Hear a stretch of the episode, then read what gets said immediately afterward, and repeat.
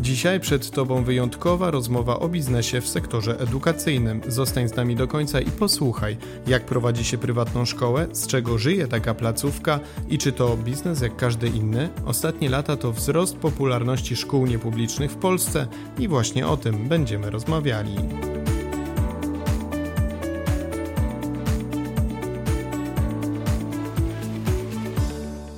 To jest podcast Przyspiesz Biznes. Rozmawiamy tutaj o wskazówkach ułatwiających prowadzenie firmy w Polsce. Pokazujemy też e, ciekawe perspektywy rozwoju oraz również ciekawe biznesy w ciekawych branżach i nie inaczej będzie tym razem, bo każdy z nas przeszedł, przeszedł przez szkołę, ale nie każdemu kojarzy się ona z prosperującą firmą, biznesem czy to w ogóle możliwe? O to zapytam mojego y, gościa Sebastiana Sojkę. Cześć.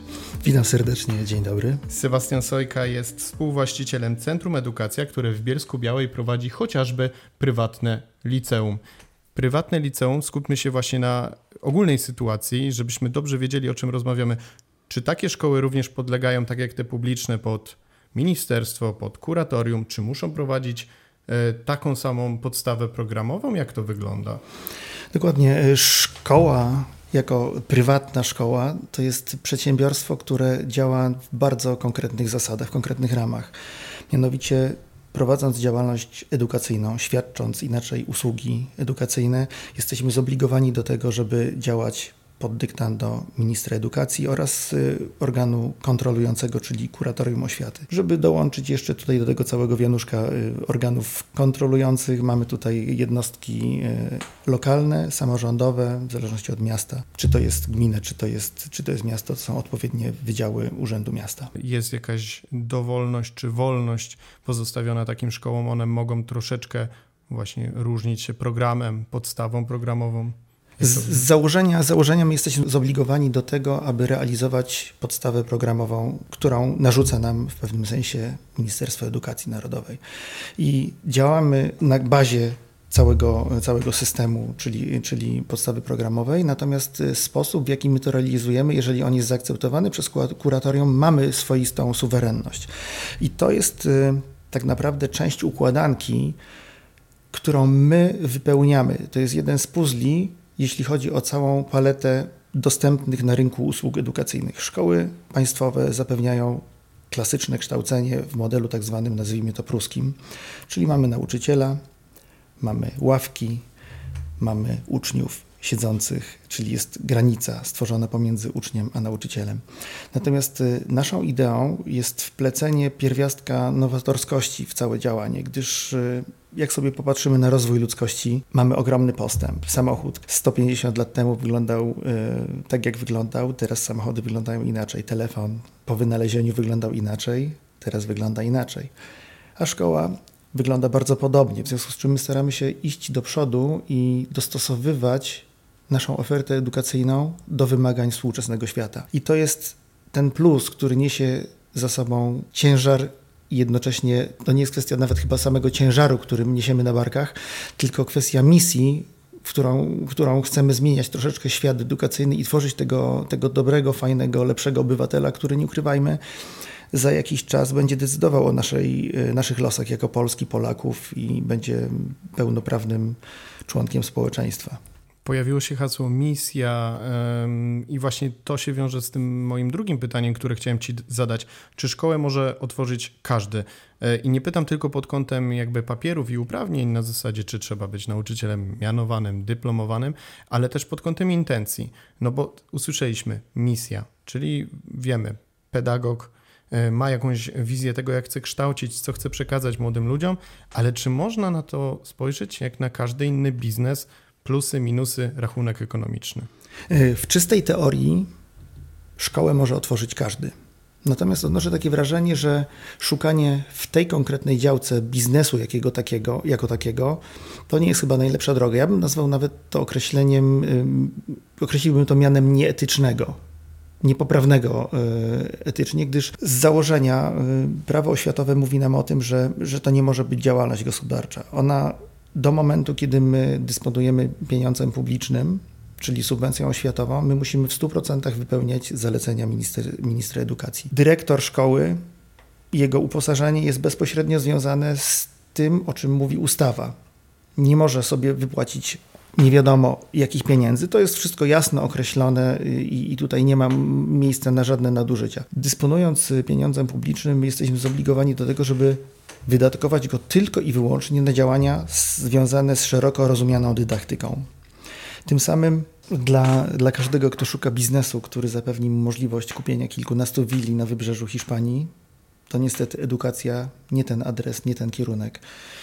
To jest czas poświęcony w 100% realizacji misji w pewnym sensie społecznej, to jest dobarwianie i uzupełnienie oferty edukacyjnej zbudowanej przez y, edukację publiczną. I większych pieniędzy szukajmy w innych branżach. To jest trudny biznes, to jest trudny biznes, to jest biznes, który wymaga bardzo dużej ilości samozaparcia, konsekwencji, prowadzenie wielkiego statku, mało zwrotnego, z dużą ilością problemów, z dużym ryzykiem finansowym. Moja droga i droga mojego wspólnika jest taka, że my prowadzimy inne przedsiębiorstwa, które pozwalają nam w pewnym sensie spełnić swoją misję społeczną, y, bazując na naszej wiedzy i doświadczeniach z poprzednich y, miejsc pracy, z, poprzednich biznesów, do tego, aby faktycznie skupić się na tej misji i stworzyć dla młodych ludzi jak najbardziej przyjazne miejsce, które będzie z założenia przygotowywało ich do dorosłego życia ale nie na podstawach takiej skostniałej edukacji, tylko staram się wyjść troszeczkę naprzeciw. Mm, tutaj pojawia mi się od razu y, taki przykład, y, kiedy, kiedy mm, weszliśmy w ten cały temat y, edukacyjny. Odbyło się to w 2019 roku, przepraszam, kiedy to mm, pojawiła się placówka, która była zarządzana w sposób nie do końca nowatorski e, i my podjęliśmy decyzję, że my, my, kupimy to przedsiębiorstwo. To była już szkoła gotowa w pewnym sensie, z kilkunastoma uczniami. I na początku tego działania postanowiliśmy sobie, że będziemy stanowili inną szkołę niż wszystkie. I jednym z takich naszych celów, który w tym momencie już nabiera tak jakby rumieńców i jest realizowany, był, było przemycenie tego e, czynnika, że technologia cyfrowa nie jest tylko i wyłącznie formą rozrywki. Wszyscy wiemy o tym, że młodzież podchodzi do telefonu, do tabletu, jako do formy spędzania wolnego czasu. Never ending scrolling to jest y, choroba, moim zdaniem, XXI wieku i, i, i młodzieży współczesnej. Dlatego zakładając tą szkołę, tak jakby ją kupując, ja, sobie, ja podjąłem decyzję, że chciałbym, żeby uczniowie naszej szkoły wychodzili w świat bogaci w wiedzę i umiejętności, które będą procentowały, a mianowicie, że oni nie dość, że będą potrafili prowadzić biznes, to nauczą się jednej podstawowej zasady, że elektronika i narzędzia służą do pracy, a nie tylko do rozrywki. W związku z tym y, poszliśmy za ciosem i rok, który teraz zaczynamy, czyli rok szkolny 2023-2024, będzie rokiem, kiedy chcemy już aplikować do tytułu Apple Distinguished School. Wymieniliśmy całą infrastrukturę komputerową. Każdy uczeń będzie posiadał urządzenie typu iPad. Y, z klasy już są teraz wyposażone w urządzenia dystrybuujące sygnał, czyli Apple TV. I liczę na to, że ta, to moje małe marzenie się spełni i faktycznie ci ludzie będą używali w sposób bardzo świadomy urządzeń elektronicznych, i nie będą tylko i wyłącznie tracili czasu. To będzie narzędzie edukacji. To jest jeden z naszych tak jakby postulatów edukacyjnych, jeden z celów, dla których prowadzimy tą szkołę.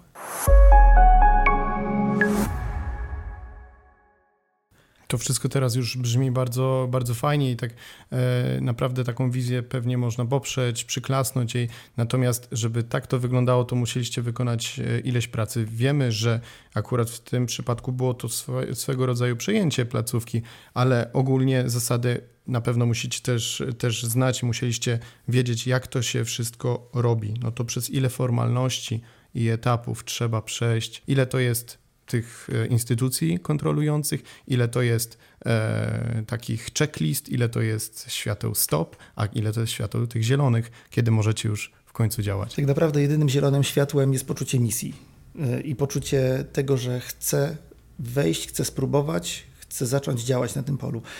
Ja odpowiem na to pytanie może troszeczkę inaczej, bo trudno jest mi przywołać, nawet nie chciałbym tutaj przywoływać y, po kolei checklisty. Tutaj jest, y, z tego co ja dobrze pamiętam, to jest prawo oświatowe, rozdział 8, artykuł bodajże 168 i kolejny prowadzą nas niemal za rączkę, krok po kroku, po wszystkich formalnościach i rzeczach, które my musimy spełnić, chcąc otworzyć szkołę. Czy to oddział podstawowy, czy to liceum. Prawdopodobnie też z przedszkolem jest podobnie. Natomiast abstrahując już od całego korowodu formalności i uzyskania akredytacji, uzyskania tak zwanego numeru RSPO, identyfikacyjnego szkoły, trzeba mieć na uwadze jeden fakt, że szkoła jako przedsiębiorstwo to nie jest przedsiębiorstwo, gdzie dyrektor jest wszystkim. Tutaj mamy bardzo rozwodniony system prowadzenia takiego przedsiębiorstwa. Y, mianowicie o sukcesie jednostki edukacyjnej nie świadczy sposób jej zarządzania. To jest tylko jedna ze składowych. Tutaj mamy, mam na myśli bardzo istotny czynnik, mianowicie wykształcona, zaangażowana, zdeterminowana i przede wszystkim pełna pasji kadra pedagogiczna.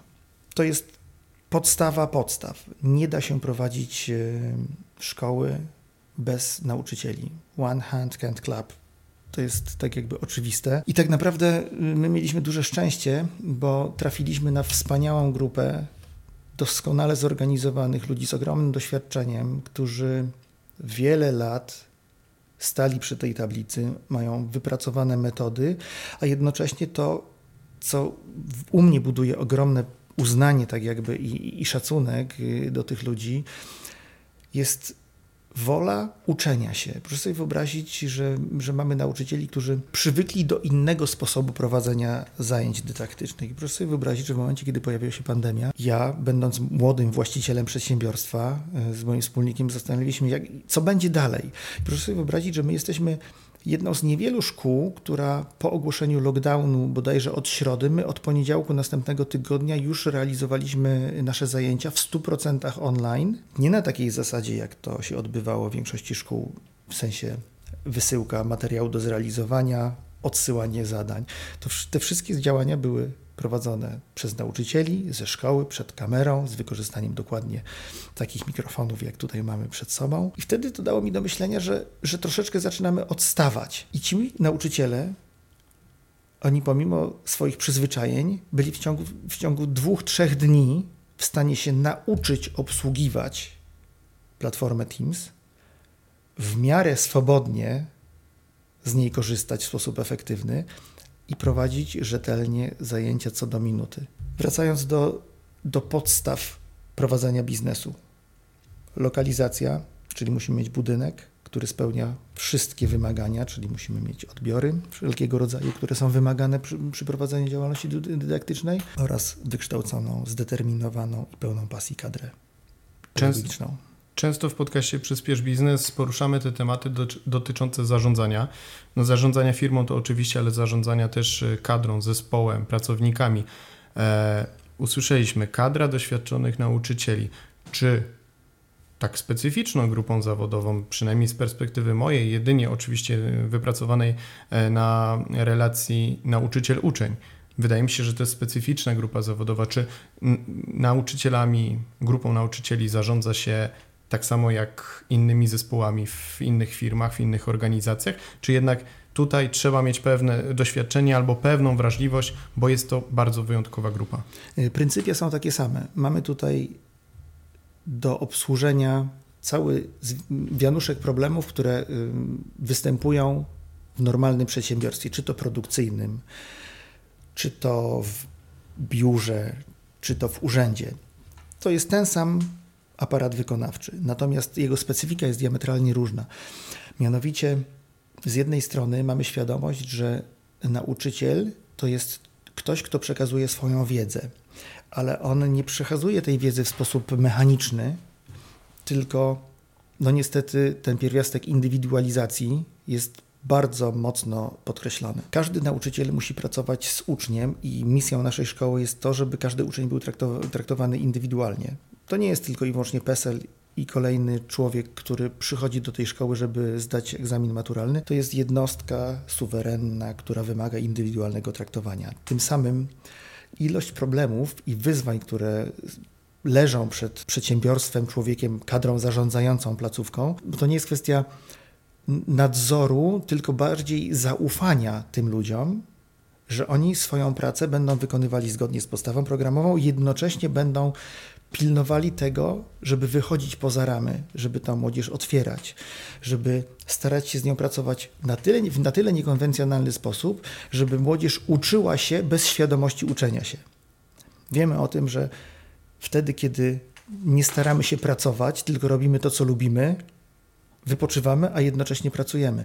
I tą samą zasadę chcemy przełożyć y, na, na szkołę. Odpowiadając na, na potrzeby i brak y, mm, niektórych y, specjalistów w wąskich działkach dydaktyki, stworzyliśmy ciekawy model, mianowicie jesteśmy filią kilku uczelni wyższych w Polsce i dajemy naszym, naszym nauczycielom możliwość studiowania kierunków, które potrzebne są do realizacji podstawy programowej i działania w naszym przedsiębiorstwie, czyli w Centrum Edukacja Spółka ZO, u nas.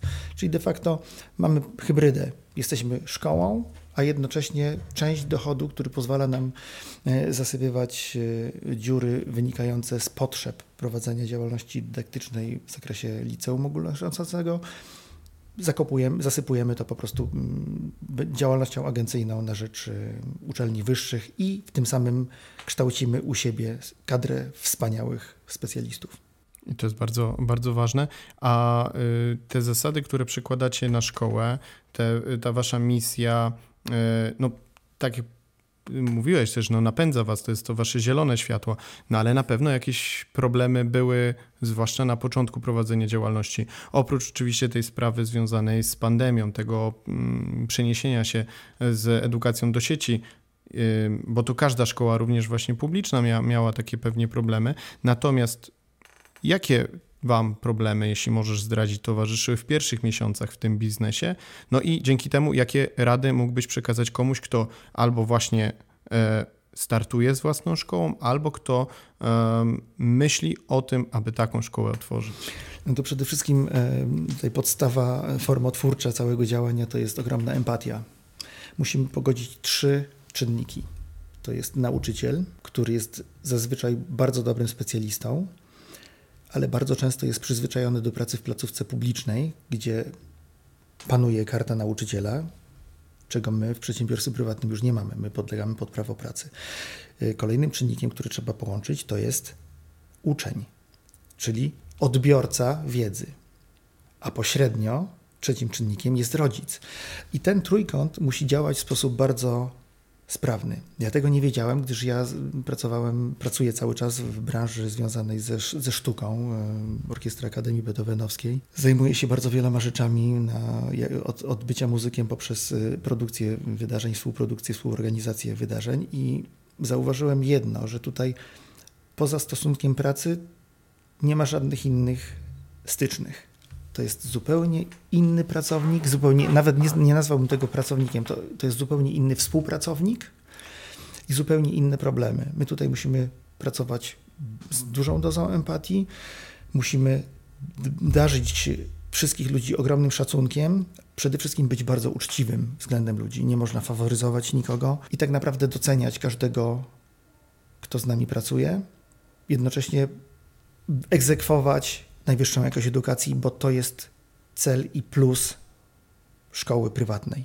Po to rodzice dają dziecko do szkoły prywatnej, aby oderwać się od tego standardowego systemu edukacji i dać dziecku coś więcej. W naszym przypadku jest to, jest, jest to działanie związane z przygotowaniem do prowadzenia biznesu i, i jednym z małych sukcesów jest to, że mm, obserwuję dziecko, które przychodzi do szkoły i, i, jest, jest młodym człowiekiem. Jest dzieckiem de facto mając 14 lat, a 3 lata później siedzi u mnie w gabinecie z biznesplanem i pyta, czy założenie działalności gospodarczej w taki sposób, a taki będzie dobrym pomysłem i czy na początek dla niego to będzie fajne i, i jakie punkty mogę mu tutaj wytknąć. I to jest, y, to jest fenomenalne, bo to daje mi poczucie, że ta nasza praca, może nie do końca bezpośrednia, ale pośrednia, daje fajne efekty.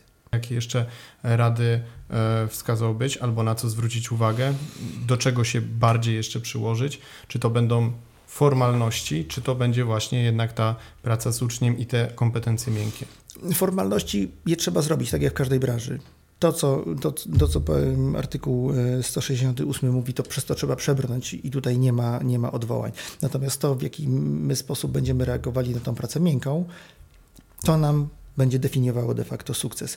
To, na co ja bym zwrócił uwagę już z doświadczeń empirycznych, to jest fakt, że reklama taka pisana jest bardzo nieskuteczna w tej branży. Zauważyłem jedno, że żadne, żadne nośniki reklamowe, czy to w rozgłośniach radiowych, czy, czy, czy internetowych, nie dały nam przypływu uczniów, a z kolei opinia, czyli ten tak zwany marketing szeptany, poczta pantoflowa, to to są narzędzia, które napędzają ten biznes.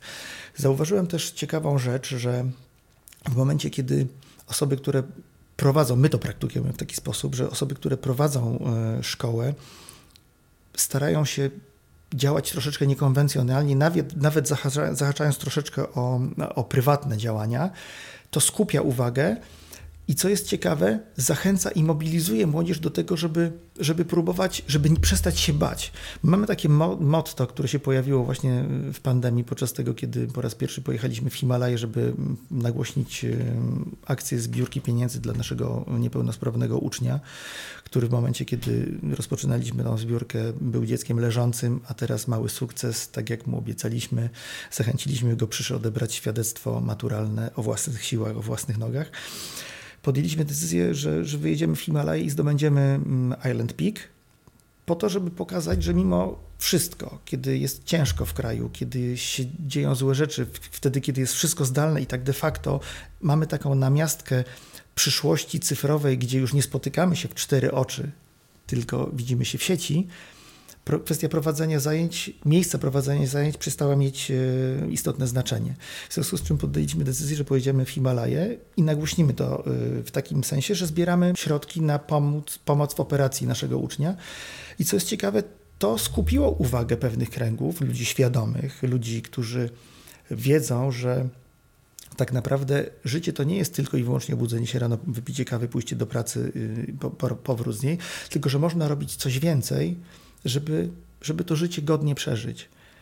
No i wydaje mi się, że ten przykład, ja mam nadzieję, że sobie nie schlebiam za bardzo i mojemu wspólnikowi nie schlebiam, natomiast uważamy, że, że to jest droga można inspirować ludzi nie tylko tym, co im się mówi, ale też można inspirować ich tym, co się robi. Teraz e, powołaliśmy klub, e, uczniowski klub sportowy Free Sports i dzisiaj na przykład mają pierwszy raz zajęcia sportowe w sekcji biegowej, prowadzone przez znakomitego trenera Tomka Klisza, który był w stanie przygotować mojego wspólnika w ciągu kilku miesięcy do wzięcia udziału w Everest Marathon Hilary Tenzing, prawda? Rzecz niemożliwa no, nikt przy zdrowych zmysłach nie robi takich, y, takich wyczynów, a tu się okazuje, że niemożliwe naprawdę nie istnieje. I tak samo prowadząc tą, tą działalność dydaktyczną, jeżeli podejmiemy decyzję, że chcemy to robić, bez względu na to, ile będziemy musieli pieniędzy to, do tego dołożyć, bo nie ukrywam, że no, ja nie czerpię benefitów sprowadzenie, sprowadzenie tej szkoły do chwili obecnej. Dużo czasu spędzam y, w, w tym biznesie, natomiast nie do końca o to chodzi. Mamy świadomość, i wracając, wracając do, do, do, do pytania, przed czym ostrzec? No trzeba mieć duży zapas finansowy, bo zawsze się może okazać tak zwane coś.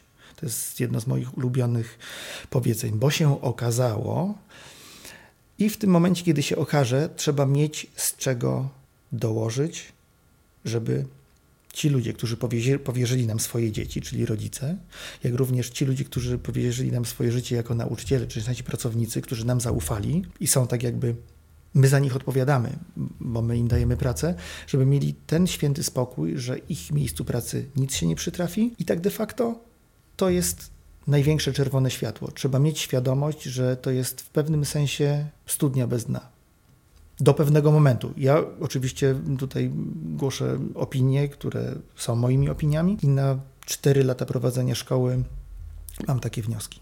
Właśnie, dotknęliśmy tematu pieniędzy. Chciałbym troszeczkę rozszerzyć i, i, pokazać tą y, wizję tego, skąd się jakby biorą pieniądze w takiej szkole. To są czesne, to jest do, jakieś dotacje, to jest subwencja oświatowa, jak to wygląda? Prywatna działalność edukacyjna e, polega na tym, że w momencie, kiedy uzyskujemy akredytację do prowadzenia szkoły, otrzymujemy tak zwaną subwencję oświatową, która jest e, wartością przypisaną na każdego ucznia w Polsce. Tylko my jesteśmy jej dysponentem. Dlatego podczas naszej rozmowy wcześniej wspomniałem o, o konieczności wydatkowania środków publicznych tylko i wyłącznie na działalność z szeroko rozumianą dydaktyką. Natomiast to nie wystarcza do prowadzenia szkoły. I trzeba mieć świadomość, że konieczne jest tutaj pobieranie czesnego. Oczywiście z, z wyjątkami, gdyż yy, nasz model biznesowy jest taki, że, że staramy się robić jak najwięcej dla tych ludzi, którzy już są z nami. Jak również mamy jakieś poczucie misji i był taki okres, kiedy pojawił się problem wojny na Ukrainie. My przyjęliśmy młodzież ukraińską ilości na początku 70 osób do prywatnego liceum, które z założenia powinno być nastawione na zysk za darmo. Dosłownie uczyliśmy ich do, do praktycznie, praktycznie za darmo. Tworzyliśmy specjalny oddział popołudniowy, nie czerpiąc żadnych benefitów z tego. Wracając do samego finansowania, mamy subwencję, która częściowo zapewnia nam środki na prowadzenie działalności, na, na, na utrzymanie mm, miejsc y, dla ucznia. I druga część, to jest, drugą częścią składową jest to czesne mm, płacone przez rodzica w formie miesięcznej. I tak de facto od jakiegoś momentu, kiedy się przebije próg ilości uczniów w szkole, próg ilości klasy, liczności, liczebności klasy, jest szansa, że część tego czesnego zostanie jako już zysk wyprowadzony przez przedsiębiorstwo, w naszym przypadku spółkę ZO, która jest organem prowadzącym szkołę. Bardzo dziękuję za tę rozmowę. Tutaj postawimy kropkę. Przyznaję Państwu, że takiego tematu jeszcze w podcaście Przyspiesz Biznes nie było. Dzisiaj branża edukacyjna. Mm, nie wiem, czy mogę powiedzieć, że już nie ma przed nami tajemnic, bo to jest tak skomplikowana jednak e, dziedzina, że pewnie moglibyśmy jeszcze długie godziny przygadać, ale ten rzut, to spojrzenie na tę branżę właśnie zostało dokonane i za to Ci bardzo, Sebastianie, dziękuję. Ja również bardzo dziękuję za zaproszenie i, i chciałbym to podsumować y, takimi kilkoma słowami, że, że tak de facto to nie jest biznes w rozumieniu dużych pieniędzy. To jest kwestia misji, kwestia walki ze skostniałością systemu, kwestia poszerzania horyzontów dla młodych ludzi i dawania im możliwości nauki w małych klasach, gdzie nie są PESEL-em, tylko są jednostką, która, której się należy ogromna doza atencji. I z tym zdaniem, z tym hasłem Was zostawiamy, drodzy słuchacze. Dziękujemy, że wysłuchaliście tej rozmowy do końca. To jest właśnie podcast Przyspiesz Biznes. Czasami wskazujemy e, problemy, które można w e, polskich firmach rozwiązywać. Czasami pokazujemy, rzucamy nowe światło na wyzwania, czasami po prostu ciekawe biznesy w ciekawych e, branżach prezentujemy i dlatego chcielibyśmy, żebyście Państwo z nami zostali. Jeśli uważacie, że takie rozmowy są potrzebne i ciekawe, to oczywiście są takie narzędzia jak łapka w górę, subskrypcja, komentarz i podanie tego odcinka dalej swoim e, znajomym. My oczywiście widzimy się regularnie w podcaście Przyspiesz Biznes, dlatego już teraz mówię do zobaczenia i do usłyszenia. Dziękuję bardzo. Do usłyszenia, do zobaczenia.